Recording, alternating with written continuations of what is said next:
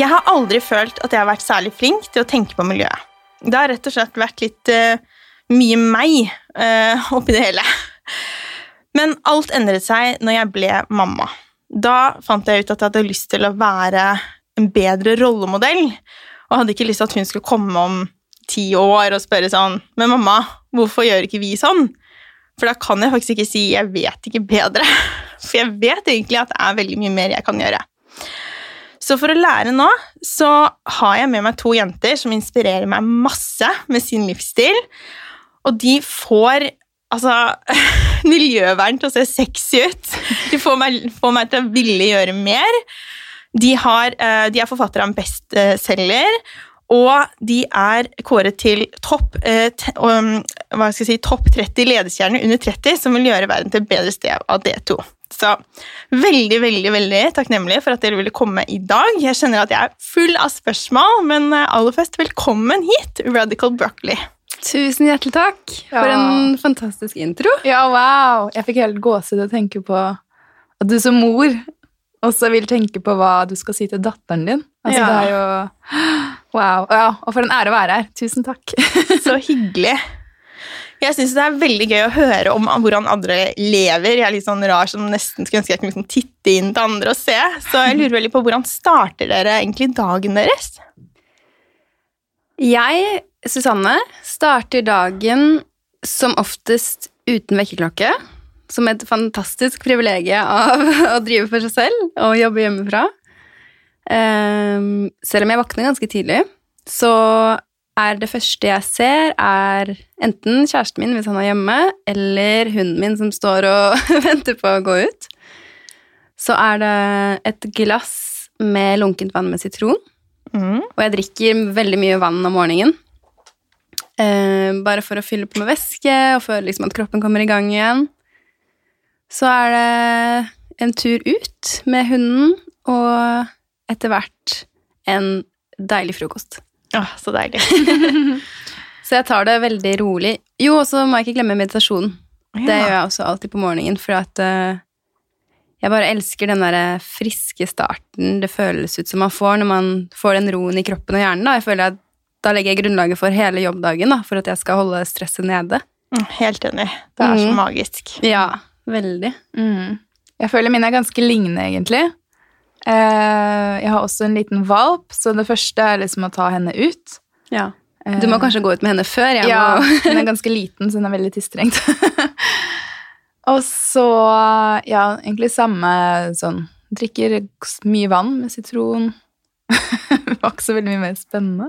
å meditere. En veldig kul meditasjon for tiden, da. Mm. Som er mer sånn visualisering enn meditasjon. Oi, ja, det elsker jeg. Det er skikkelig gøy å se liksom hva man kan få til bare ved å visualisere det.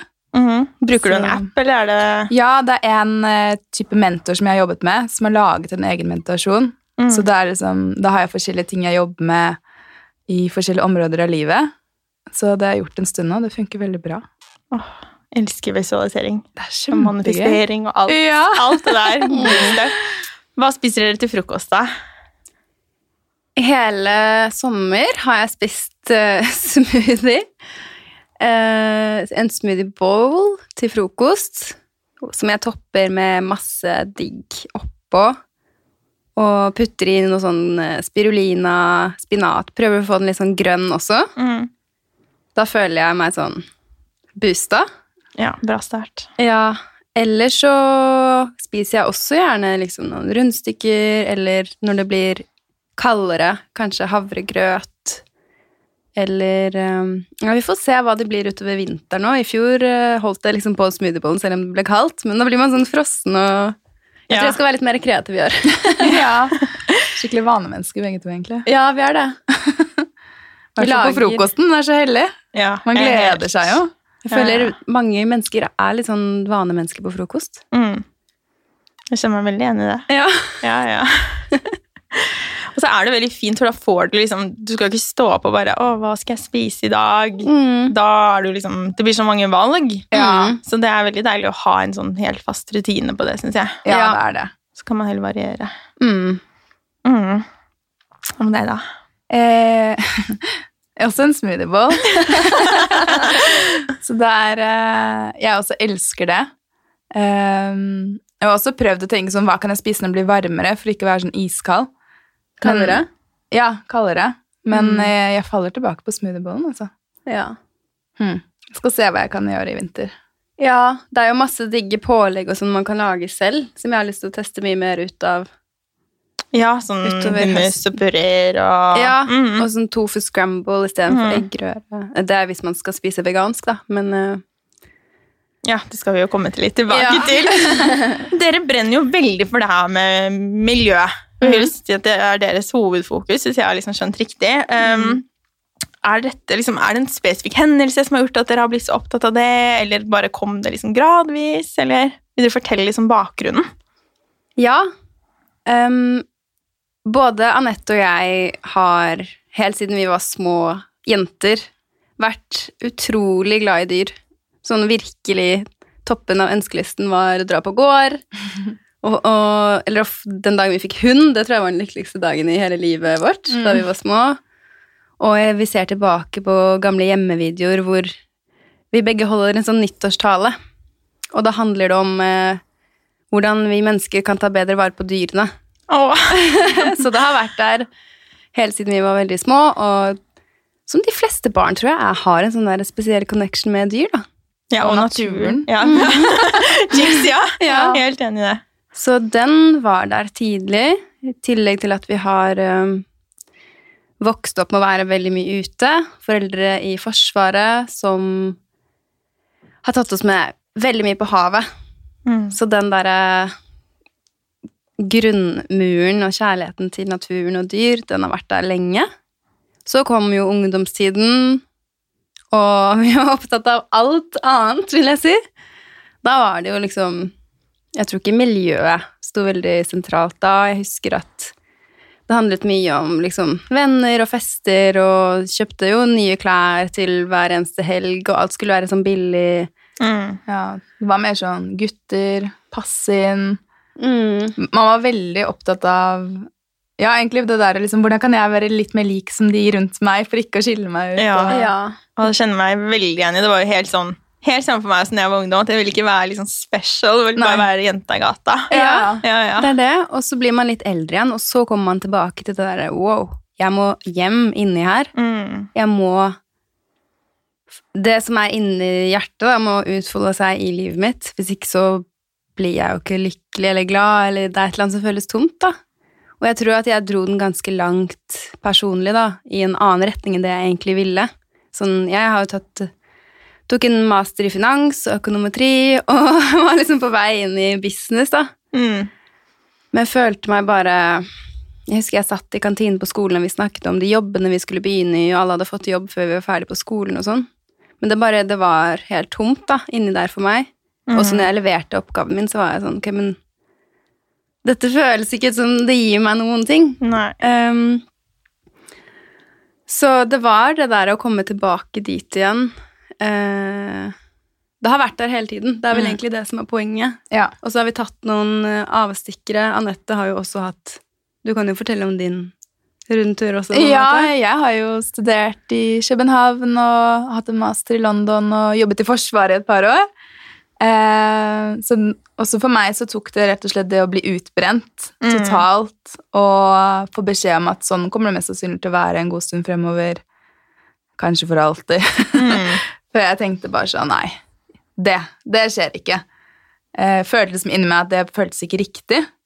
Ehm, og jeg husker faktisk at ehm, en av de første menneskene i Norge jeg fant, som også viste at kosthold kunne være noe som gjorde deg godt, det var deg. Nei, så gøy! Ja, Jeg husker da du fortalte meg Ja. om Helene Ragnhild. ja det husker jeg. jeg husker jeg fant det. Jeg tenkte jeg bare sånn Herregud, hun er ung. Uh, Hun er fresh. fresh. Herregud, hvorfor har jeg ikke vært venninner?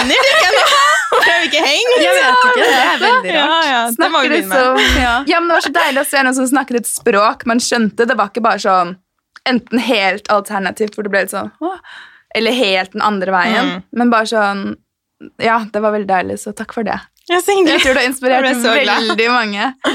Men eh, så begynte jeg liksom bare å dykke litt inn i For meg var det eh, gjennom matveien, egentlig, at jeg fant ut at eh, matsystemet var ganske ille. og så at det var mye vi kunne gjøre med det. Og det som jeg syntes var så fascinerende, var sånn at de valgene som vi kunne ta som var bedre for oss, var også bedre for planeten. Mm. At det hang sammen. Så hadde jeg plutselig bare lyst til å rope ut at dette må jo alle vite, alle kommer til å bli like gira som meg. Ja. Det var der bloggen vår startet. Ja. Det var med den følelsen der sånn Ja, men hallo, det her er jo liksom Det her er jo svaret. Ja, og det er jo det beste. Det føler jeg også sånn, det er liksom ikke sånn at jeg startet og bare Det her skal jeg jobbe med. Nei. Det er jo liksom bare Det må jeg dele. Ja. At det går an å få et annet resultat i livet. da, Eller føle seg Ja. annerledes ved å spise annen mat og, Ja. og leve annerledes. Ja. Virkelig. Det var liksom sånn, det var kroppen som ville dele det. Det var ikke sånn, det var ikke sånn smart sånn Ok, dette er et tema som blir sikkert veldig stort. Strategi, liksom. Nei. Det kommer liksom fra dypet av sjelen Ja. og bare ut. Ja. Og så fant vi det på en måte sammen tilbake til Nesten tilbake til de der små jentene som vi var, da, da vi var skikkelig sånn ute i naturen og ja. har dere alltid vært gode venninner? Eh, ja, jeg tror med unntak av kanskje et par år i midt i de verste ungdomsårene. Ikke verst, da, men så Da var jeg ganske ignorert, tror jeg. ja. For jeg er eldst. Ja, det var det jeg skulle akkurat spørre om med meg. Anette er eldst. Ja, men eh, vi, ja, vi har flyttet en del da vi vokste opp, så jeg tror det var sånn at den som alltid var der man kunne leke med, det var liksom hverandre. Så fint. Og så har vi vært veldig flinke til å opprettholde egentlig et close forhold. da. Mm. Tror jeg vi syns det er gøy å henge. Det hjelper. Mm. Ja, det er gøy. Jeg tror vi hadde følelsen tidlig at vi skulle gjøre noe sammen. Mm. Vi startet, jeg husker vi startet en, eh, et klesmerke Ja. da vi var liksom Hvor gamle var vi da? 13 eller noe. 11 og 13 sikkert. Så var det sånn Ok, dette her kan bli en jobb. Ja. Dere har liksom gründerspirer i ja, dere? ja, Ja. det vil jeg si. Det er så gøy. Kan dere fortelle litt hva dere nå, da, som det er en jobb, og dere liksom aktivt har kanskje en strategi og litt mer sånn gunner på, hva er det dere ønsker å oppnå med Radical Broccoli? Åh, jeg føler eh, vi skaper nye drømmer hele tiden, men eh, det er fortsatt tilbake til den der første grunnleggende følelsen av at jeg har så lyst til at folk skal vite at det å være miljøvennlig, det er rett og slett å komme tilbake til noe som er bra for deg. Det er også bra for planeten. Og at det ikke trenger å være enda en sånn enda en to do, enda en stressgreie. At du føler at du blir kjeftet på fordi du gjør noe feil. Men at det er noe som gir deg så mye. Om det så er at eh, åh, du har funnet en digg krem som faktisk ikke ødelegger eh, for hormonene, for eksempel. Og som også er havvennlig eller naturvennlig, da. ja, eller at du klarer å lage deg et fresht måltid som også da er mye bedre for planeten, og kanskje også da for helsen. Mm. Så ja, først og fremst er det å dele den gleden. Mm. Og så er det jo da mange ting som man syns er gøy derunder. For eksempel har vi skrevet en bok, kanskje, kanskje kommer det flere. Eh, ja, hva mer har vi for visjoner og drømmer? Ja, nei, vi har jo akkurat vært med å starte et nytt selskap, da. Oi! Så det er jo en, eh, en visjon der også, å, Ja. gjø- å spre det ordet. Det er jo Fortelle hva det er, da. Ja, Ja, det er, det er eh, et merke som heter Sleepers, Ja, ja, ja. ja. som er flipflopper laget av naturgummi. Ja, Så spennende. I og med at uh, flipflopper er verdens mest solgte fotplagg. Og eh, nesten alle flipflopper der ute er laget av plast. Ja. Så her var det bare et sånt Et uh, stort univers som vi Ja. så for oss at wow. Et hull i markedet, rett og slett. Ja. Eller noe dere kunne liksom endre på, da. Mm. Ja. Ja. Og deilig å på en måte ha noe konkret òg, når man er så vant til å jobbe med sånn Man jobber mye, men noen ganger skjønner man ikke helt hva man har produsert. Fordi det kan være Det er mye foto og tekst og video, men det er jo på Mm. internett, så det er liksom hele tiden flytende Ja, ja, og i ja, ja. forandring. Mm. Jeg skjønner. Så mange drømmer og visjoner har vi. Ja, Så spennende. men har dere liksom eh, opp, Du sa jo ikke sant, dere har vært mye i naturen og vært mye ute, og sånn, men har dere også liksom hatt et bevisst forhold til natur? sånn, Var det noe liksom foreldrene snakket om? Det å liksom ta vare på naturen og miljøvern og kildesortering. og liksom, Er dere vokst opp med det, eller er det noe som har kommet med den interessen? At dere har liksom lagt på sten, sten for sten? Jeg vil si at vi har vokst opp ikke med det fokuset. Nei. No offense, mamma og pappa. Nei, Men uh... Veldig sånn klassisk uh, norsk kosthold, hvis man kan kalle det det. Fiskepinner Ja, hva er det man spiser igjen? Eh, alt det norske vanlige spiste Mm, vi. Jeg ja. kan ikke huske at det var, det var ikke noe sånn spesifikk kildesortering og sånn hjemme. nei, Nei. det var søndagstur. Um, Mm. Så var det jo det at vi brukte på en måte sommeren, så var vi på seiltur. Altså sånn, I Mm. ferie og sånn var fokuset da naturen, men ikke noe mer enn det. Men, Men vi- farmor Ja. har hun var en pioner, holdt jeg på å si, innenfor dette. Der var det All mat var laget fra bunnen. Eh, Ikke kaste noe mat. kastet aldri mat. Sparte på allting. All emballasje som ble kjøpt, ble brukt igjen og igjen og igjen. Mm. Og ehm, alt som kom inn i den leiligheten hennes, da, det ble liksom veldig godt tatt vare på. Mm. Og det var noe hun hadde lyst til å vise oss også. Mm. Og det var så deilig å se, for det var et eller annet som var så utrolig sånn beroligende og ikke stressende ved det. Hun Mm. hadde liksom god tid, og bare kjente når man kom inn der, så var det sånn ah, Det var ikke hverdag og fort, fort, fort og alt sånn. Så jeg tror mm. et eller annet med den følelsen som var sånn Åh, det trenger jeg egentlig litt mer av. Ja. Jeg tror mange besteforeldre er vokst opp sånn, i og med at de vokste opp under helt andre kår, under krigen, og hvor de ikke hadde så mye, så de er vant til å leve mye mer i takt med naturen og egentlig bruke det de har, mye bedre. Ja. Og så kom på en måte de generasjonene etter, hvor det var mye mer fri flyt i produkter, og man skulle liksom kjøpe alt fordi man også hadde muligheten til det. Men da visste vi heller ikke så mye om miljøvern, da. Eller konsekvensene, kanskje. Ja, vi visste ikke konsekvensene heller av hvordan vi behandlet havet. Altså, det var jo vanlig å dumpe søppel på havet. Altså alt mulig som man i dag tenker sånn Er det mulig? Og det er de restene vi fortsatt plukker opp i dag. Jeg tenker jo veldig ofte sånn Hei, det skjer ikke. ikke sant? Om sånne drøye ting man hører. At det, at det er jo veldig ubehagelig å høre. Så man blir sånn Nei, nei. Haha, nei, nei. Ja. Og så liksom, trenger man ikke få tenke noe mer på det. Men det er jo Opplever dere at liksom, ting har endret seg mye siden dere begynte å snakke om dette? For jeg ser jo det veldig selv. At liksom den derre Litt sånn der, Gå ned Karl Johan med masse poser og bare 'se på meg' og take away-kopp. og liksom, Det er litt ut nå. Og det var det kanskje ikke når dere starta? Nei, første gang vi startet var jo i 2015, eller 2014-15. Det var liksom den første bloggen vi startet. Det handlet mest om mat eh, på den tiden, men vi var veldig opptatt av miljø også. Og da var vi sikkert litt mer sånn aggressive, litt sånn passiv-aggressive, og syntes det var liksom litt sånn skam å se på alt og alt forbruket rundt og alt mulig sånn. Og da følte vi jo også at ingen andre egentlig brydde seg så veldig. Men det har jo vært en enorm endring de siste fem årene. Det er jo helt sinnssykt. Mm. Nå er det jo ikke et eneste selskap som ikke har miljø med i sin strategi. Altså, det er ingen jeg kjenner som heller ikke, sier lenger at ikke de bryr seg. På en måte, Men det er jo på grunn av sånne som dere. Så der tenker man må ta massiv cred, fordi det er jo de som påvirker. og så er det på forbrukerne, ikke sant? at man begynner å bli litt mer sånn. Og da er det så viktig at man gjør det på den måten dere gjør, sånn positivt, at man fokuserer på det man kan gjøre, og at man gjør det på en liksom fin måte, da, som dere gjør. At man får liksom lyst til det. For hvis det var sånn flytte inn i skogen med sånn hampbukse og Ja. sånn, så hadde jeg bare vært sånn hm, Not for me. Ja, altså vi har Det er jo hyggelig at du sier. møtt mye morsomme, interessante mennesker på veien. Og det har jo vært veldig gøy å se kontrastene i hva det vil si å være miljøvennlig. For noen er jo helt sånn. Ja. Jeg husker spesielt vi holdt foredrag en gang, så møtte vi en mann som kom bort og sa sånn Ja, han hadde ikke vasket denne genseren på Hva var det han sa? Han hadde aldri vasket den. Ja, det var sånn, ja. Han hadde brukt den i tre år. Og vi tenkte bare Er det dette som skal være eller sånn, Er det det veien man må gå? Man Er det liksom- hit vi skal? ja. Men så fant vi fort ut at nei, vet du hva, det kan faktisk være dritgøy. Og det er det, hvis man bare finner de tingene som man selv liker, og ser effekten av det. Um, så ah, det gir deg sånn skikkelig godfølelse, og at det da gjør noe bra.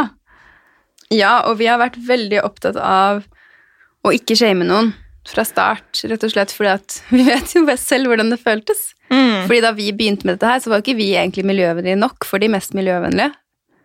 Mm. Og fortsatt er vi sikkert ikke det. Nei, og fortsatt sikkert Det er mange som kan si masse greier for oss også, men uh, vi hadde heller lyst til å møte en større mengde folk der hvor de er, da.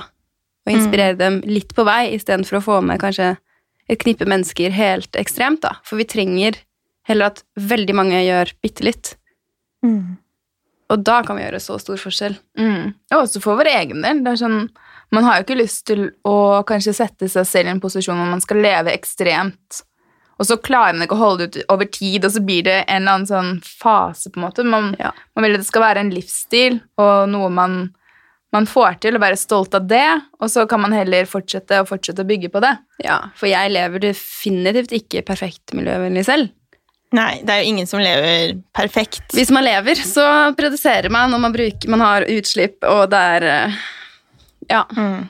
Det jo syns jeg er ekstra kanskje interessant innenfor miljøvern. At de som tør å snakke Og det er en av tingene som har holdt meg veldig tilbake. Jeg har flere ganger lagt det sånn, dere har kanskje sett det om, sånn, hvor jeg bare er sånn, Nå skal jeg bli mer miljøbevisst, sånn, men så føler jeg så veldig sånn at da skal folk liksom ta deg på alt. Ja. Ja. Og det er så utrolig ubehagelig. At det er liksom Hvorfor tror dere det er sånn innenfor miljøet? At man da liksom er sånn Ja, men du spiser det, eller ja, men vi gjør sånn, og Jeg tror eh, vi opplevde det litt selv i starten.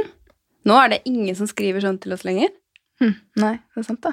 Men vi Men- syntes det var mega ubehagelig når folk holdt på sånn, og da blir man veldig demotivert også. mm. Men det var spesielt på reise, da, fordi vi reiste, eh, og da var det ja, kommentarer på at det kan man ikke gjøre, og samtidig være miljøvennlig. Og jeg Eller hvis man jo brukte én plastkopp, ja, selv om man egentlig alltid har en flaske. Altså de der eh, tingene man gjør fordi man er menneske.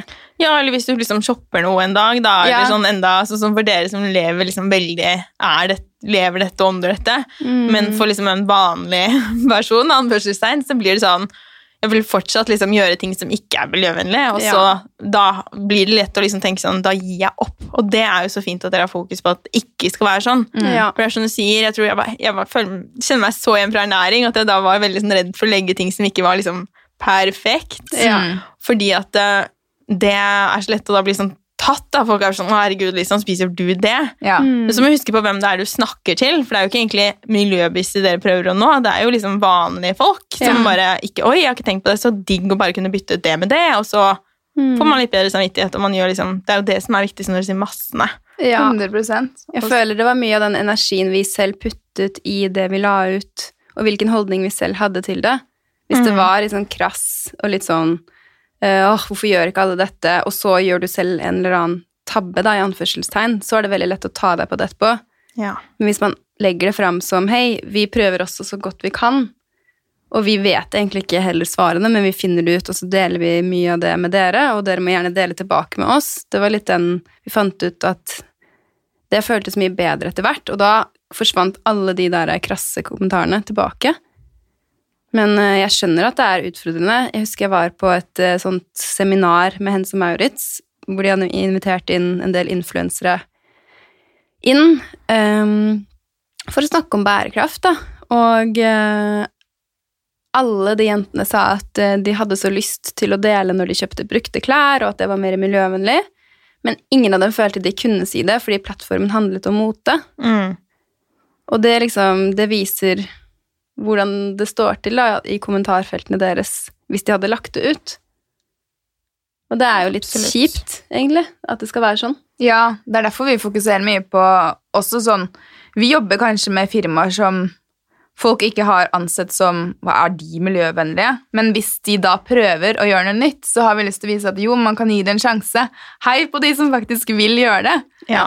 For jeg vet jo hvordan jeg var selv. Jeg, jeg var nada interessert i miljøet. Jeg synes det var litt sånn der, det var litt tungt å komme i gang, i hvert fall når det ikke var tilrettelagt sånn som det er i dag, er det mye lettere. Men jeg trengte at noen heiet på meg, og at jeg ble jo den som heiet på meg selv, da. Men at, jeg, at uh, jeg heller var stolt av det jeg fikk til, istedenfor at jeg skulle tenke sånn åh, alt jeg gjør, eller sånn, resten av det jeg gjør, er ikke riktig. Ja. Så jeg ville ikke gi den følelsen til noen andre. Nei. Ja, det er kjempefint sagt. det er veldig synd med de de som bruker tiden og energien sin på å kritisere det andre gjør, som de mener er feil, istedenfor å heie på de du syns gjør fantastiske ting. Mm. Så hvis noen sender oss sånne kommentarer, så bare sender jeg dem en liten sånn der, et hjerte og bare tenker sånn Ok, jeg håper du har det bra, ja. men uh, denne plattformen her er ikke for uh, sånne krasse debatter og sende hat, da. Nei, jeg er helt, helt enig. Og det er jo også hva skal jeg si, sånn mye for meg også, grunnen til at jeg liksom har holdt så igjen på det, er jo den der følelsen av å aldri gjøre nok. Hva tenker dere, Hvordan takler dere det? Har dere den følelsen, eller klarer dere liksom å finne balansen? har definitivt den følelsen. Ja. Det er jo sånn, ok, skulle jeg aldri shoppet noen klær igjen, da? Ja. Og så gjør man jo fortsatt det, men Jeg vet ikke. Det er eh, hva, hva tenker du? Jeg tenker at det handler igjen om bare å være dritstolt av det du gjør. Mm. Og også for min egen del så er det sånn Det er noen ting som interesserer meg, og andre ting syns jeg er litt mer sånn Jeg vet, kjenner meg selv at per dags dato så er ikke jeg så veldig glad i å sy og lage klær, eksempel. Mm. Så da er det ikke sånn at jeg tenker sånn Oi, det burde jeg gjort. Nei, så fint. Ja, da syns jeg fortsatt det er deilig å finne klær. Noen ganger brukt, noen ganger helt nye. Eh, prøver å finne gode materialer. Noen ganger gjør jeg ikke det. Det er sånn, jeg er ikke sånn Jeg vil ikke ha sånne stramme regler da, på livet mitt. Mm. Jeg vil at det skal være rom for alt mulig. Eh, og det har jeg ikke forventning at noen andre skal gjøre heller. Det er mer den der at eh, Man prøver sitt beste, og så gir man seg selv et klapp på skulderen for Ja. det. Mm. Og aksepterer resten, som Ja. er feil, på en måte. Mm. Ja, men jeg tror det er veldig lett for oss. Typisk, Kanskje vi alle er litt sånn perfeksjonister og vil ha alt fort ferdig, riktig. Ja. Mm. Så det er det litt det der med at eh, det handler litt om hvordan man, hvor strenge krav man har til seg selv. Og jeg har alltid hatt veldig forventet at jeg skal få til ting og satt ambisjonene veldig høyt. Men så tenker jeg bare sånn hvem er, det, sånn, hvem er det jeg egentlig prøver å imponere? Det er jo jeg som må ha det bra. Og jeg har jo gått på smell etter smell når det gjelder å slite meg ut, f.eks., eller å ta på meg altfor mye, være sliten i to uker etterpå. Så jeg har bare tenkt at uh, det er jo ikke bærekraftig, for det første, og jeg får det jo ikke noe bra. Mm. Så ja, det er en skikkelig balansegang, da. Mm. Men samtidig så vil man også må man finne den der lille pushet på seg selv. Fordi hvis man aldri gjør noe, så blir jo, skjer det jo ingenting. Nei. Mm.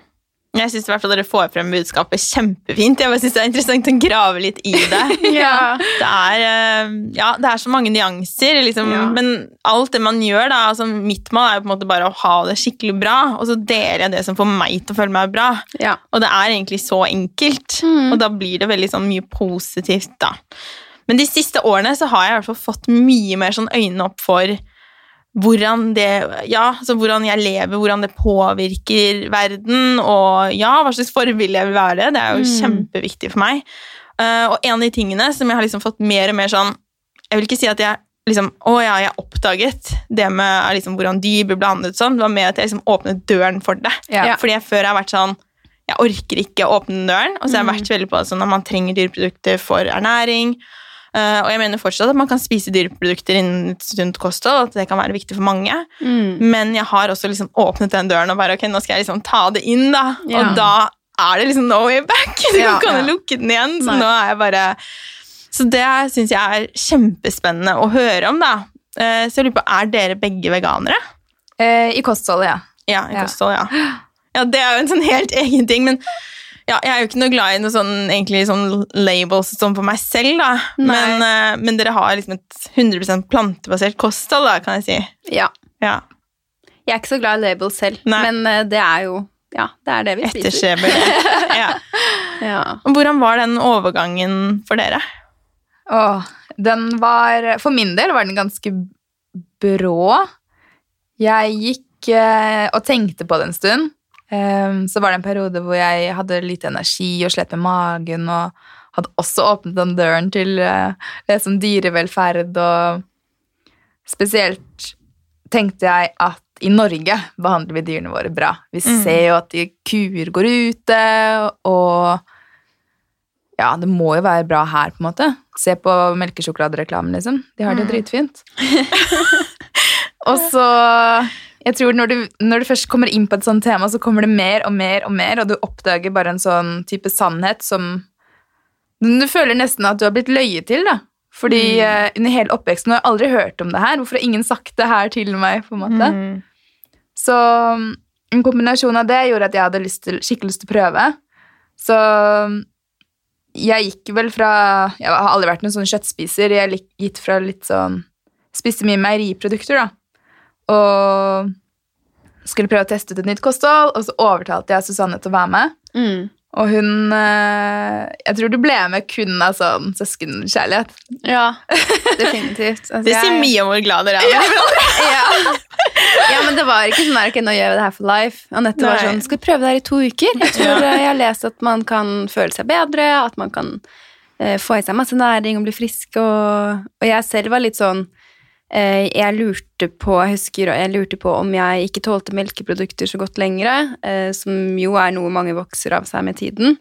Så jeg var veldig åpen for å finne hva slags alternativer det var der ute, da. Så det var veldig bra timing av deg også. så prøvde vi egentlig to uker først. Jeg husker vi dro Men var- du trodde jeg hadde blitt gæren. Det gjorde du. Jeg trodde hun var helt Altså, jeg bare veganer, hva betyr det? Det er et kjemperart ord, for det første.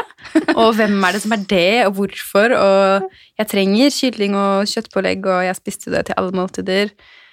Jeg syns det var snodig, men jeg var heller ikke noe Vi har aldri vært noen sånn kjøttspisere av sånn burger- og biff-variant, så vi var liksom ikke på den helt heavy siden. Men det var veldig mye sånn lyst kjøtt, fisk, Mm. meieriprodukter i kostholdet vårt. Egg, ja. Mm. Så Ja, det var sånn her Ok, vi prøver noe liksom litt crazy. Det var der vi var.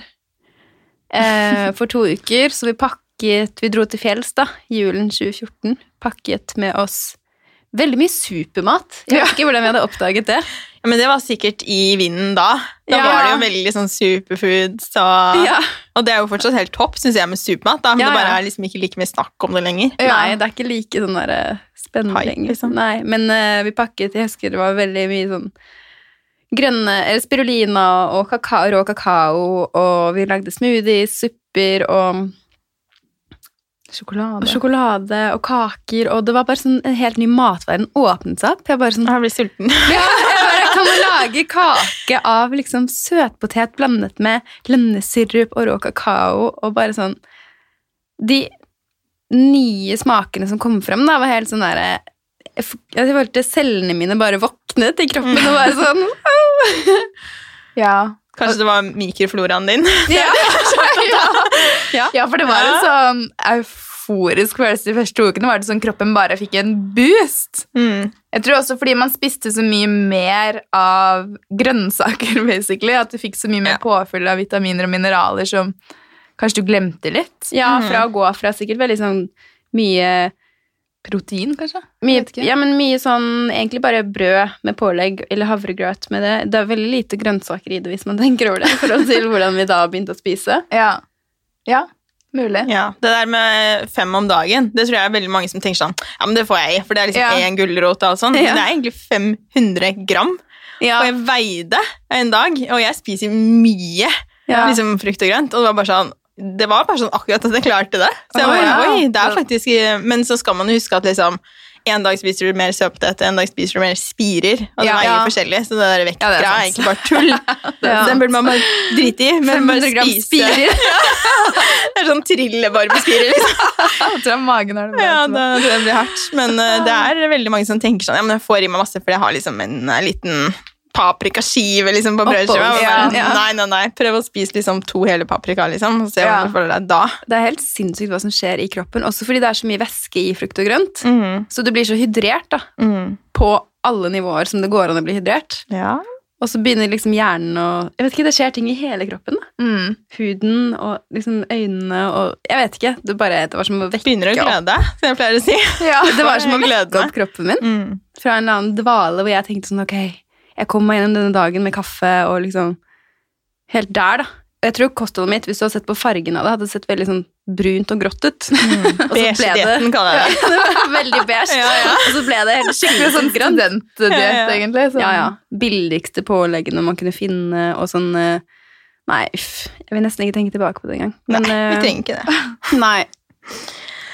Men tror dere at liksom, i verden at alle, liksom, tror dere at mennesker er skapt for å leve vegansk? At det egentlig liksom er sånn at alle burde vært det? Og det er et godt spørsmål. Jeg føler at um, alle er så forskjellige. Og jeg syns også at det som er litt vanskelig med ernæring, er at de fleste studiene er gjort på menn. Mm. Utrolig lite forskning på kvinner, spesielt med våre hormoner. Altså En av feilene vi begge gjorde i starten når vi begynte å spise vegansk, vi spiste for lite. Ja. Og det messer jo opp ting. Um, og så det, den derre Man må ha en sånn grunnleggende Hva skal man si viten om å få i seg nok. Få i seg Mhm. B12. Og det må man jo på alle typer kosthold, egentlig. Men um, ja, jeg tror alle kan overleve fint på vegansk og thrive og ha det bra. Men det handler også om å lytte til kroppen. da. Hva er det du trenger? Hva er det, altså sånn, Jeg vet jo ikke hvordan det er å være gravid. Kanskje man har cravings på noe helt annet da, fordi kroppen vil ha det. Mm. Så jeg ville aldri sagt sånn her, nei, alle skal være i den båsen. Nei, men det er jo sånn forsket mye på et plantebasert kosthold, og mange leger Eller forskningen viser at det er et helt trygt og veldig fullstendig kosthold for alle liv, altså ikke alle livsstiler, men alle faser av livet. da. Mhm. Ja, ja. Både barn og eldre mennesker og når man er gravid og alt mulig sånn, men det handler jo veldig mye om hvordan du setter det sammen. Og jeg tror, altså, som Anette sier, jeg tror definitivt at alle kan gjøre det, men ikke hvis du går liksom baklengs inn i det og strider mot det og egentlig ikke vil. Mm. Uh, så jeg tror, altså, sånn, Det er ikke noe jeg sier at alle må, men alle har veldig godt av å spise mer planter. Ja, jeg syns det er litt spennende, for sånn som når vi begynte med det her, eh, så kalte stefaren vår det sånn Å, det er den derre frø og Hva er det han kalte det? Frø og grønnsak. sikkert. Ja. Ja. Han var sånn der Å, fy søren, liksom skal de altså, Og alle de der maskinene og all matlagingen. Ja. altså, Ja, ja. herk. Dehydrator. Men nå, vet du, etter korona, så han liksom Nå er han på en eh, Denne måneden her så tror jeg han spiser vegansk. Ja. Ja, sånn vegan challenge. Ja, ja. Og det er Mm. sånn, hvis noen hadde fortalt meg det for fem år siden, hadde jeg ikke trodd på det. Eller fortalt han det. Ja. Men det er et stort skifte. Ja, det fins håp. er det, ja, nå er det mye lettere. Jeg tror Game Changers-filmen gjorde mye for mange også. Mm. Og for alle dere som hører på nå, hvis dere ikke har sett den, så er den sinnssykt kul i Ja, forhold til sport, var- da. Den var en veldig og kul film. Og det er jo, I sånne dokumentarer så skal man jo bare huske at liksom, det er veldig satt på spissen. Ja, fordi ja, det er en dokumentar, den skal jo være kul. Men jeg hørte han som har lagd den, husker ikke hva han heter nå, men jeg hørte han på en annen podcast, og Mhm. da sa han liksom bare sånn Målet er bare å få folk til å spise mer planter, og for den har jo vært veldig sånn alle bare, Det er vegan propaganda, og liksom, Ja, ja. det samme. Jeg bare, her er det masse forskning som ikke liksom stemmer, som ikke er så og mange av de som er i filmen også spiser ikke vegansk, men de sier jo heller ikke det. Han sier Nei. jo bare at de er liksom basert, da. Altså, Ja. I mitt hode så tenker jeg at et plantebasert kosthold ikke trenger å være et vegansk kosthold. Nei. Det kan hende jeg tar feil. Nei, det Nei. betyr vel teknisk sett et kosthold basert hovedsakelig på planter. Ja, for Jeg føler jo veldig at mitt kosthold er plantebasert. Mm. Uh, men jeg spiser fortsatt av og til liksom, kjøtt og fisk og egg. Og som, jeg spiser jo ikke melk, og så er jeg akkurat som dere, det har aldri vært glad i kjøtt. Jeg har liksom aldri spist uh, Burger Mac-eren. Aldri spist beef på restaurant. Nei. Det er liksom det jeg velger. Nei. Men uh, ja, det, er liksom, det er veldig inspirerende, og den er særlig fin hvis du vil få menn til å spise Ja. med grønnsaker. For den har en studie om uh, når man ikke får den opp, eller hva det er. Jeg føler det er den alle guttene er sånn Å, fy faen, ok. Ja, ja, de fikk stå i flere timer, eller noe sånt. Helt var alle menn bare Oh my god, skal jeg prøve den? Så morsomt. Ja, det er liksom motivatoren. Ja. Så nei, det er funny. film, da. Ja, ja, den er Men ta den med en klype salt, som alle dokumentarer. Som alle dokumentarer. Ja. Ja. Alle veier, liksom. Man må bare ta det beste ut av det. Inspirasjonen og, og liksom Ja, og de kule sportsforbildene, da, som spiser mest planter. Og det er jo mange i Norge også, idrettsstjerner, Mm. Langdistanseløpere altså Det er jo mange forbilder som spiser plantebasert, og som har det fantastisk på det. Og så er det de som ikke gjør det, og det er jo helt fair, det også. Ja. Men det kule med plantebasert eller vegansk er å tenke på at for det første kan du få mye bedre helse, altså fordi du spiser rett og slett mye mer variert og mye mer grønt. Og, ja. Men så er det også tilbake til det med klima, da. At det aller mest forurensende industrien, det er matindustrien. Og halvparten av all forurensningen fra matindustrien, det er kjøtt- og meieriprodukter. Og da er det ikke bare å fordi den Hva skal man si For å øh, vokse opp den kuen, holdt jeg på å si, men det er, du skal øh, skjære ned skog for å plante soya, for å gi det til kuen, som da igjen ødelegger elver, som ødelegger havet. Så det er sånn, det er utrolig mange Ringvirkninger, liksom. Ringvirkninger Ja, ordet. ja. Som jeg syns er veldig kule å tenke på. Mm. Jeg kan bli litt frustrert hvis jeg møter personer som som er i ordentlig motstand da, til et eh, vegansk kosthold, som virkelig er anti. Og da blir jeg litt sånn Da tenker jeg på den industrien og de de dyrene og de der kjappe kjøpene man gjør av billig kjøtt og billig egg og billig melk, uten at man tenker over at det kommer fra et dyr. Og det kommer fra noen, et, en som har levd, og ikke minst liksom hele den produksjonen rundt det, og hvordan de behandles, og alle utslippene rundt det, og at man Hvis folk er helt sånn hodeløse, da, og helt sånn avkoblet fra det, så kan jeg bli litt sånn frustrert hvis ikke de engang er villige til å åpne den døren bitte litt på gløtt, da. Mm.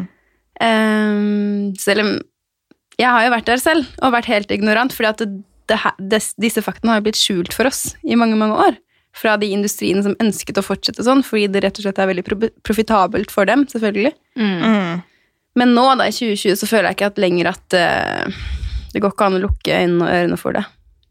Nei, jeg er helt enig, og, og vi har så mye informasjon så lett tilgjengelig. Så Ja. Før så var det veldig sånn, ja, jeg er veldig opptatt av sånn, man må tilgi seg selv det som har vært. Ja. Uh, og særlig er jo dette fordi jeg møter veldig mange mammaer som bare jeg skulle ønske jeg visste om ernæring. Liksom, de har 10-15-åringer og alt sånn.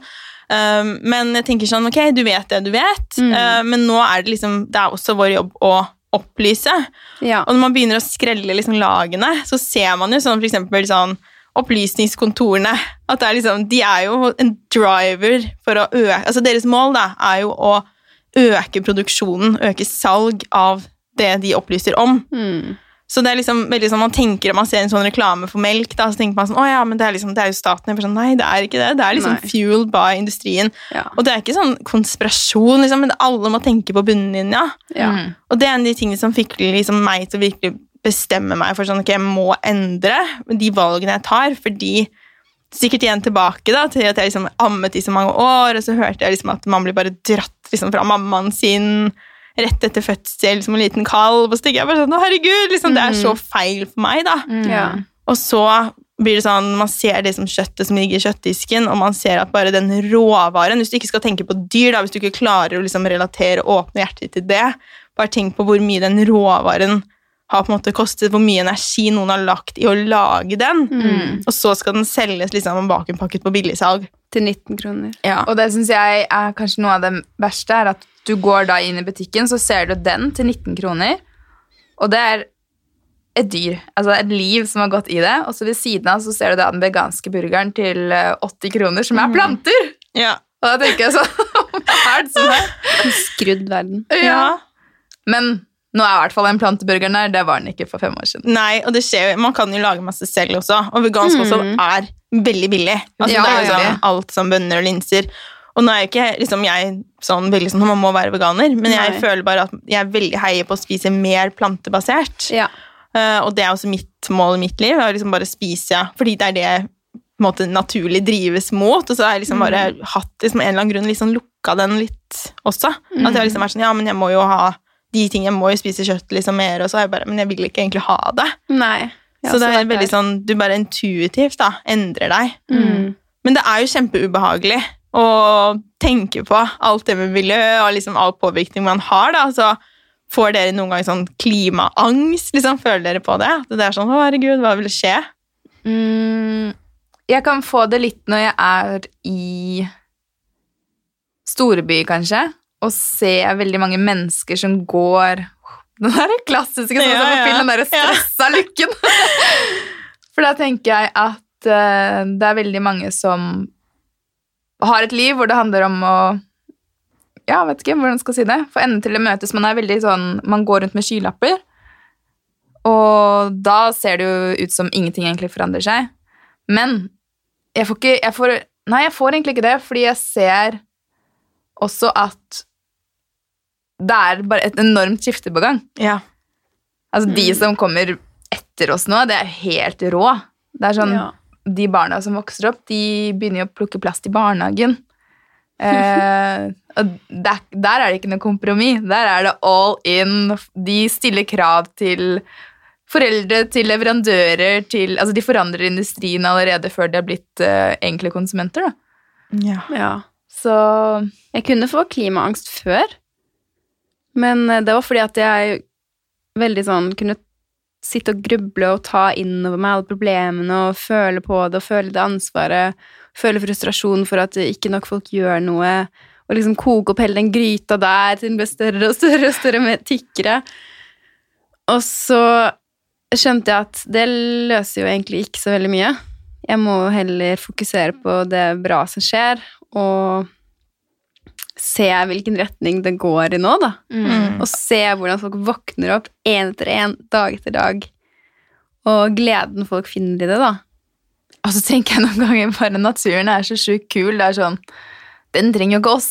Det er vi Nei. som trenger den. Ja, ja, ja. Den kan den bare kaste oss av. Altså, det er jo Ja, for Man snakker liksom om at jorden skal ta slutt, men det er jo ikke det. Det er jo liksom vårt levegrunnlag. Jorden vil jo fortsatt kunne være jorden, på en måte. Men det er jo vi menneskene, vi får det jo ikke levbart. Når vi slutter å plage den. Ja! det er det. Det er Ja. litt uh... Og det syns jeg er interessant nå om etter korona, når man bare så bilder fra et tale rett etterpå hvor delfiner kom tilbake til jeg. kysten og Venezia var re. Altså sånn, Det var fantastisk. Se hva som skjer når vi lar den være litt i fred. Kina Det var ja. Helt vilt. Ja, ja. bilder av forurensningen fra luften, altså etter at det ikke var noe fly, og frosker som hoppet rundt i gaten. Det var veldig mye gøy å se, da. Ja. Ja. ja, det føler jeg at den tiden her har virkelig gjort. Man har liksom oppdaget naturen, og så for meg som har et lite barn, da, så har jeg vært så mye ute, og det, var liksom, det har vært så fint vær, det sånn, og så har det vært så mye blåbær, og så er Ja. sånn, det er akkurat sånn naturen er sånn, thank you, og så Ja. går tilbake og slutter å fly og sånn, bare, nå gir vi deg masse gaver, Ja, ja, ja. kommer masse epler, og er bare helt sånn, ja, Ja, det er rart. det har vært den frodigste våren og sommeren på lenge. Altså, det har vært så grønt, og havet har bare vært så blått, og alle fargene har vært sånn. og så har vi hatt tid til å legge merke til det, da. Ja. Alle har jo hatt kanskje litt mer tid hjemme, der litt flere turer ut, og Mhm.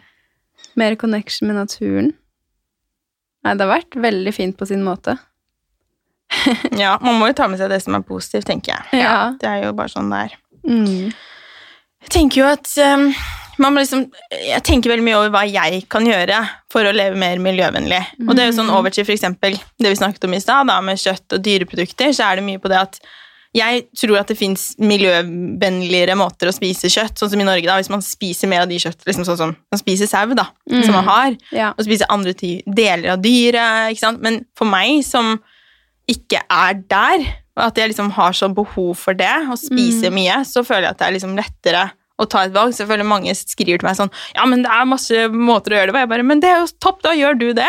Ja. Og så velger jeg heller liksom bedre produsenter når jeg spiser det, og er veldig opptatt av det, og så spiser jeg mindre. Det føler jeg er en fin balanse. Mm. Også fordi at det er dyrere, selv om jeg syns at det er på en måte vel verdt sin pris da, å kjøpe mer sånn økologiske, mindre produsenter og sånne ting. Ja. Så hvis du da spiser mindre, så blir det på en måte opp i opp. Ja, du spiser linser og sånn, det, jo, det koster ingenting. Nei.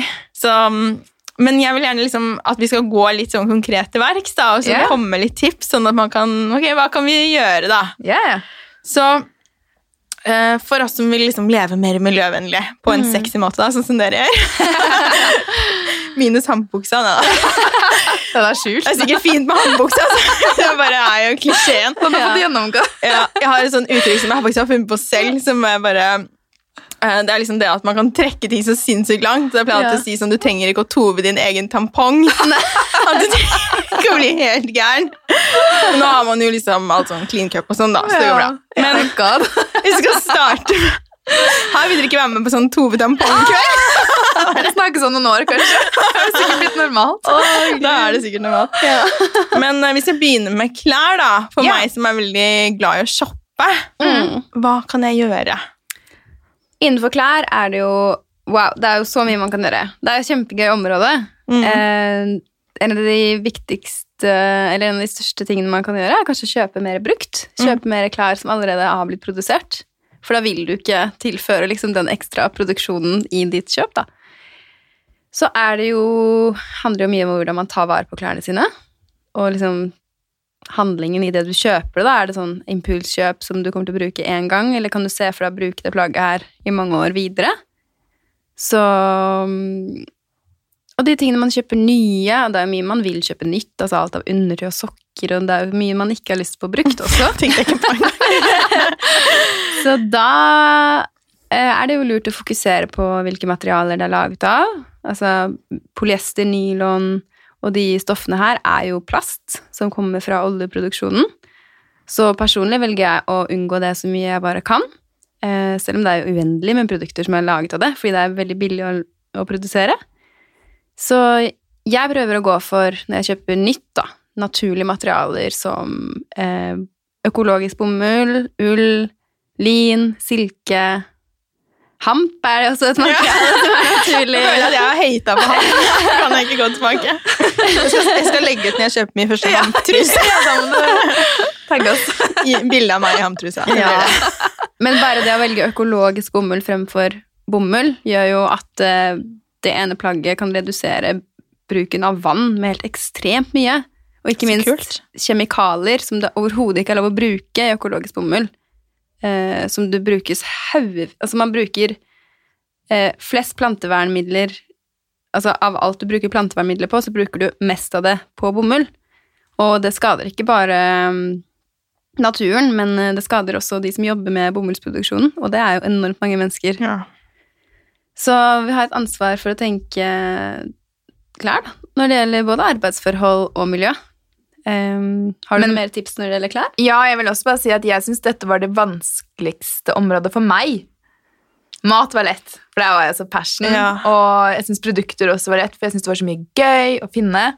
Men klær For da syns jeg plutselig at det tok så lang tid. Det var overgangen. At fra å være vant til å instant shoppe til å instant finne seg noe når man følte seg det og det humøret, til å da, eksempel hvis du skal kjøpe noe på Tice, så må du da vente noen dager, kanskje få den pakken. Helt ny mentalitet.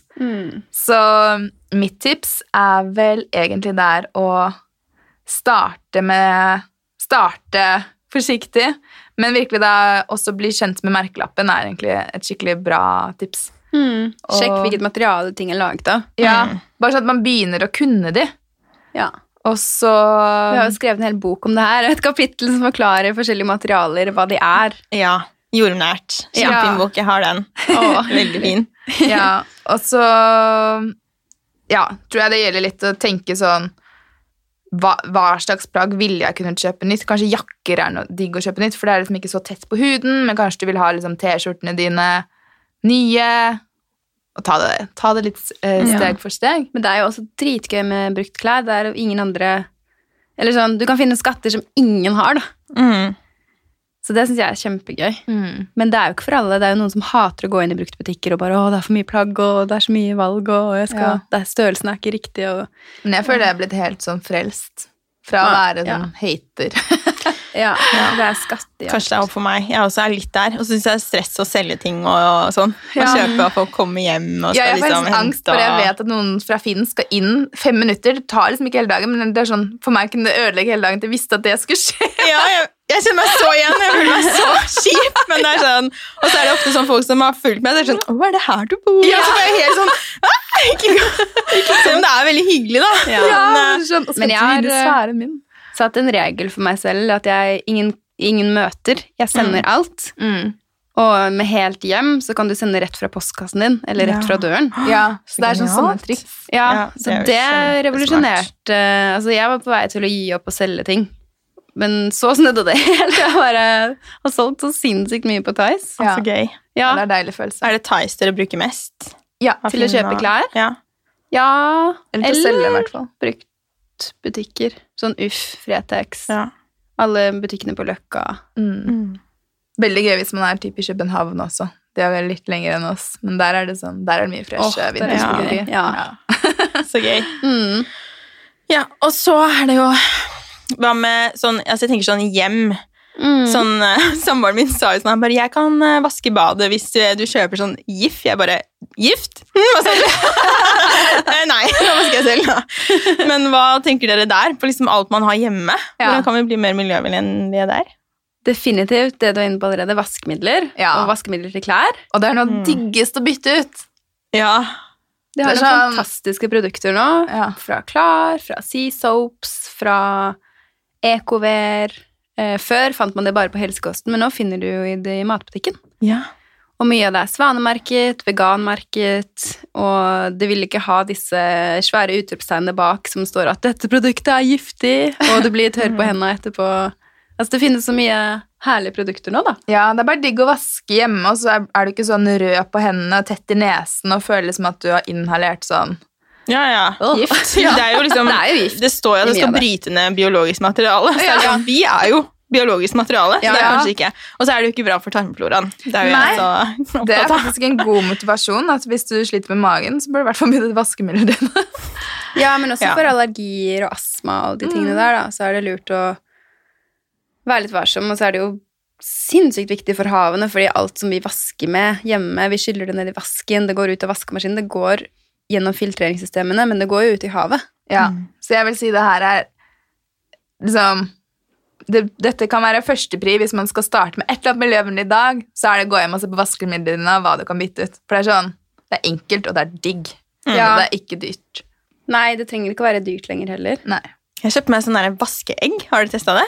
Nei. Det er sånne små kuler inni, Ja. og så bare putter du den i vaskemaskinen. Mm. ehm, og vasker, og så liksom er det sånn 6, 70 vask, tror jeg. Oi. Og så bare kjøper du nye sånne kuler, da. Og Ja. det funker gull, liksom. Ja, det gjør det. det. har hatt sånne Det- Vi har testet mye. Ja, sånn vaskenøtter. Ja, Ja. men det her skal jeg Den er ganske ny, tror jeg. Ja, Ja. det tror jeg var bedre. Mm. Den er skikkelig bra.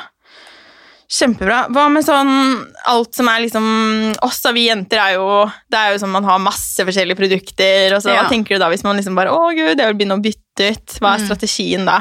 Sminke og hudpleie. Mm. Um, oi, der har jeg hatt noen skikkelig sånn der eh, Jeg må hive alt, og alt må nytt. Hadde noen sånne runder. Men uh, jeg vil ikke si det til andre at de skal kaste ut alt med en gang. Men det er mye produkter vi har som virkelig bare er full av giftstoffer, altså. Og det gjelder også ting vi putter Altså, vi må ikke glemme at huden vår absorberer det vi smører på. Eh, så jeg er veldig Nå er jeg veldig obs på hva jeg putter på meg. Jeg var jo ikke det før. Eh, Men det er jo mange merker man kan se etter, altså økologisk, svanemerket, disse sertifiseringene. Mm. Eh, Og nå begynner det å bli ganske vanlig at merker har det.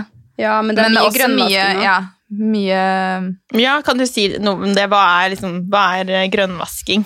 Ja, Mm. det er når eksempel et nytt sminkemerke kommer ut og sier at de er helt naturlige, og så er kanskje all fargingen grønn og brunfarger og veldig sånn jordfarger, og så kan du likevel gå og se bak på ingredienslisten, så kjenner du egentlig ikke igjen noen ting.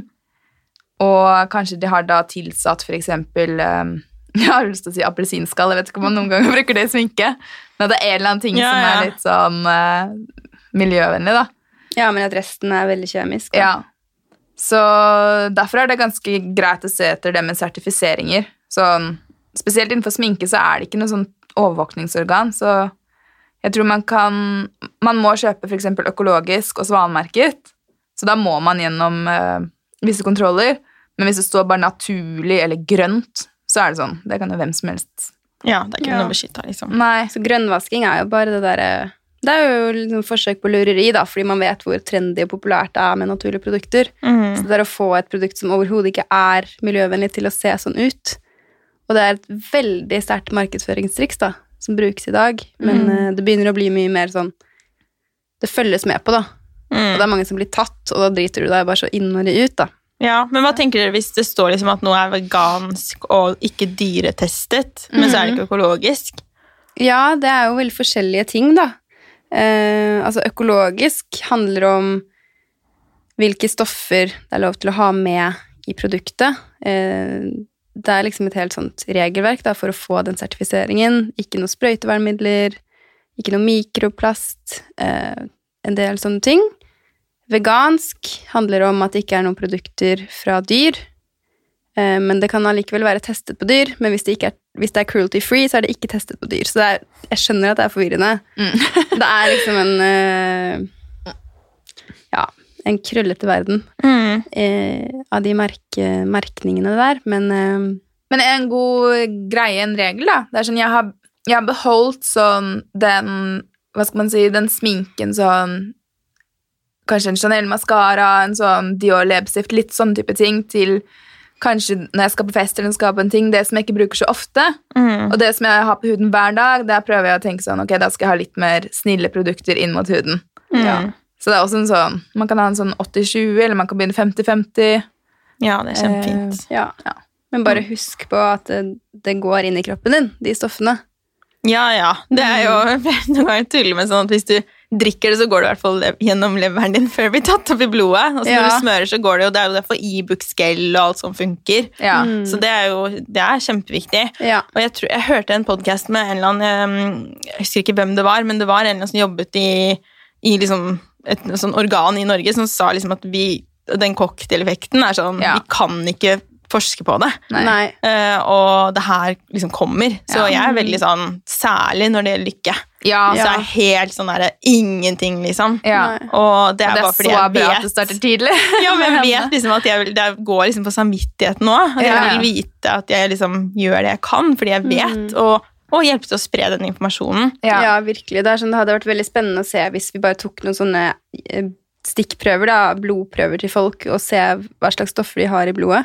Så Mm. et av mine favorittmerker, som heter Rudolph Care, det kommer fra Det er en dansk dame som ble som testet på gaten av Greenpeace um, for å se hvor mye kjemikalier hun hadde i blodet. Da. Og det var sånn over 180 forskjellige altså sånne ting man ikke aner hva er for noe. Som Mm. kommer bare fra alt du har smørt på deg, og plantevernmidler og altså alt mulig, da. Hun bestemte seg bare for å gå helt green og lage de mest naturlige produktene selv. Mm. Og det er stort marked for det, så hvis noen føler sånn inspirert, så please, begynn å lage det. Hopp på! Ja, Du trenger mer! ja. Bedre Mm. valg. ja, ja. ja. ja. Nei, det er kjempe, kjempegøy, og det har jo også blitt mye bedre enn det var. Ja. Jeg føler sånn, det har kommet mye sånn sjampoer, og, og så må man på en måte legge litt stad litt sånn der man selv føler at det passer. Det tenker Ja, jeg er veldig ja. viktig, fordi noen er veldig sånn du vasker håret med natron og liksom Ja. helt der, og får til det, mens for meg så er det bare sånn det, det går ikke. Nei, jeg har testa det, men eh, det er ikke det jeg gjør nå, liksom. Nå kjøper jeg, eller får, har en fantastisk som kommer fra Det er et produsert produkt, liksom. Ja. Det er jo noen som tar en hel veien og lager hjemmelagde produkter og sånn. Det har vi også testet. Ja. Det har jeg gjort fordi jeg syns det er gøy, da. Mm. Um, Så er det å finne den mellomveien, da. Er du en person som bruker den deodoranten som du skal smøre på, så er kanskje ikke den krystalldeodoranten noe for deg. Altså, det er så mange alternativer, da. Ja. ja. Deilig. Ja, Finne det som passer en selv. ja virkelig. Og så er det jo matveien, da. Det har vi jo snakket litt om også. Men uh, hvis man liksom skal gi et sånn enkelt kom i gang-tips på å spise mer miljøvennlig, hva tenker dere da? Så mye. Tenker at en god start er frokosten. Det føler jeg er sånn De fleste spiser kanskje allerede en vegansk frokost uten at de tenker over det engang. Ja. Uh, og en Ja, jeg syns jo Siden vi alle elsker smoothieball. veldig god start på dagen. Og um, det er mange som lager smoothie med melk, men da kan man f.eks. droppe den. Ta oppi Man kan bruke plantebasert melk. Ja. Så jeg syns det å starte med frokosten er Mm. veldig enkelt. Og så Er det veldig fort gjort å bytte ut hvis du drikker kaffe med melk, da? Ja. Og bytte ut den melken du bruker til havremelk eller en annen type plantebasert melk. Det er jo veldig sånn enkel, og de fleste syns det er godt. Og Mm. du føler liksom sånn, Yes! Jeg, jeg, liksom, jeg er på vei. mm. Mm. Så er det bare å utforske, da. Altså, Uendelig mye digge plantebaserte retter som Få tak i en Det kokebok du syns er digg. Ja, det føler jeg er et key. bra tips. å ha innspo til akkurat den maten du klarer å lage. Og noen kokebøker må du ha mye spesialprodukter. Hvis ikke det er for deg, så må du ha en som er litt enklere Mm. og eh, begynne med, da.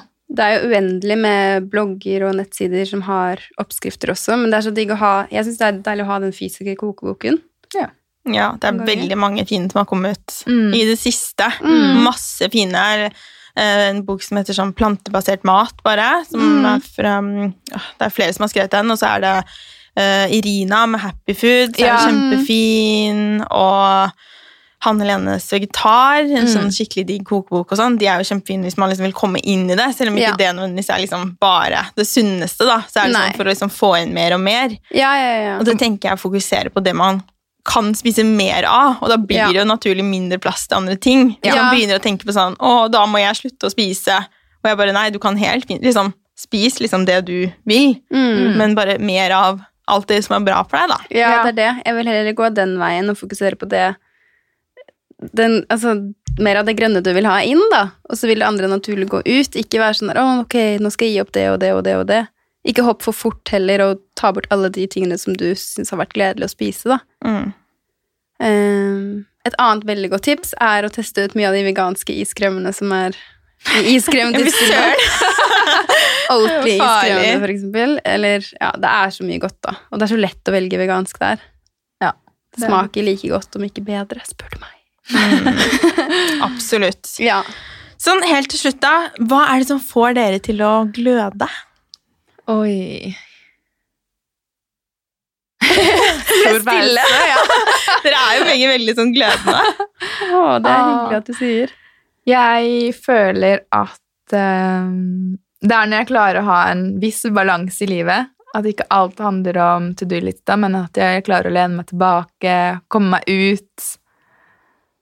Ja, ha tid til å lage mat. Og jeg liker når jeg er en sånn god, et godt sted hvor jeg bare, bare har en sånn viten om at ja, men alt går jo bra.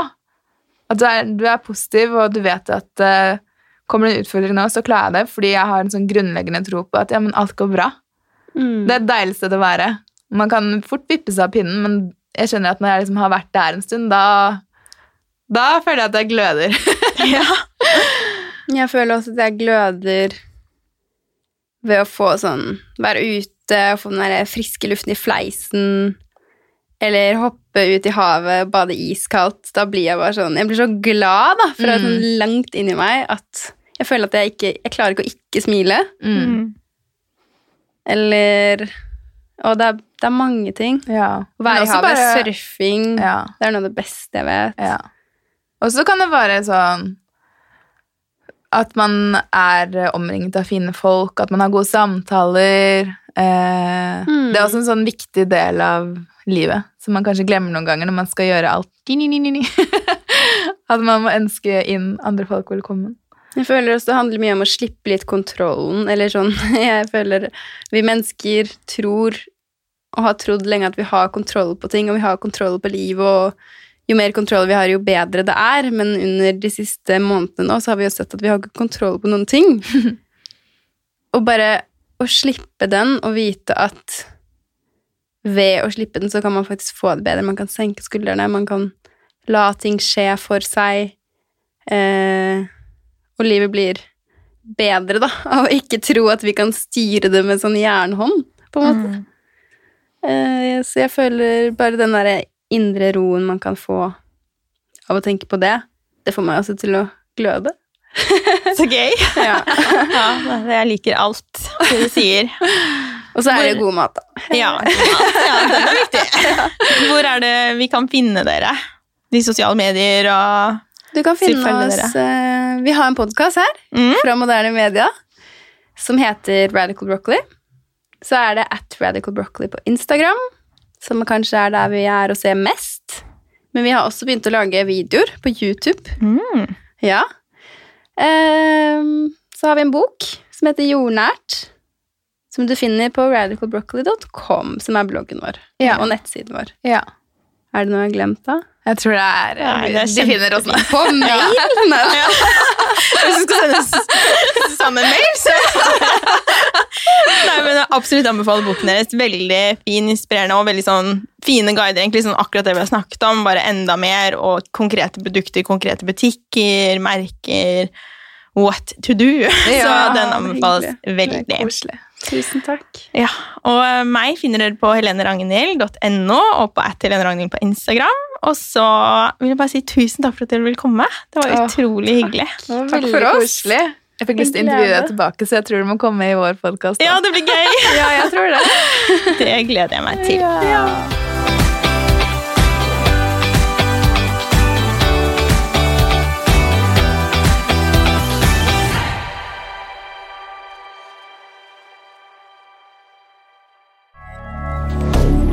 Moderne media.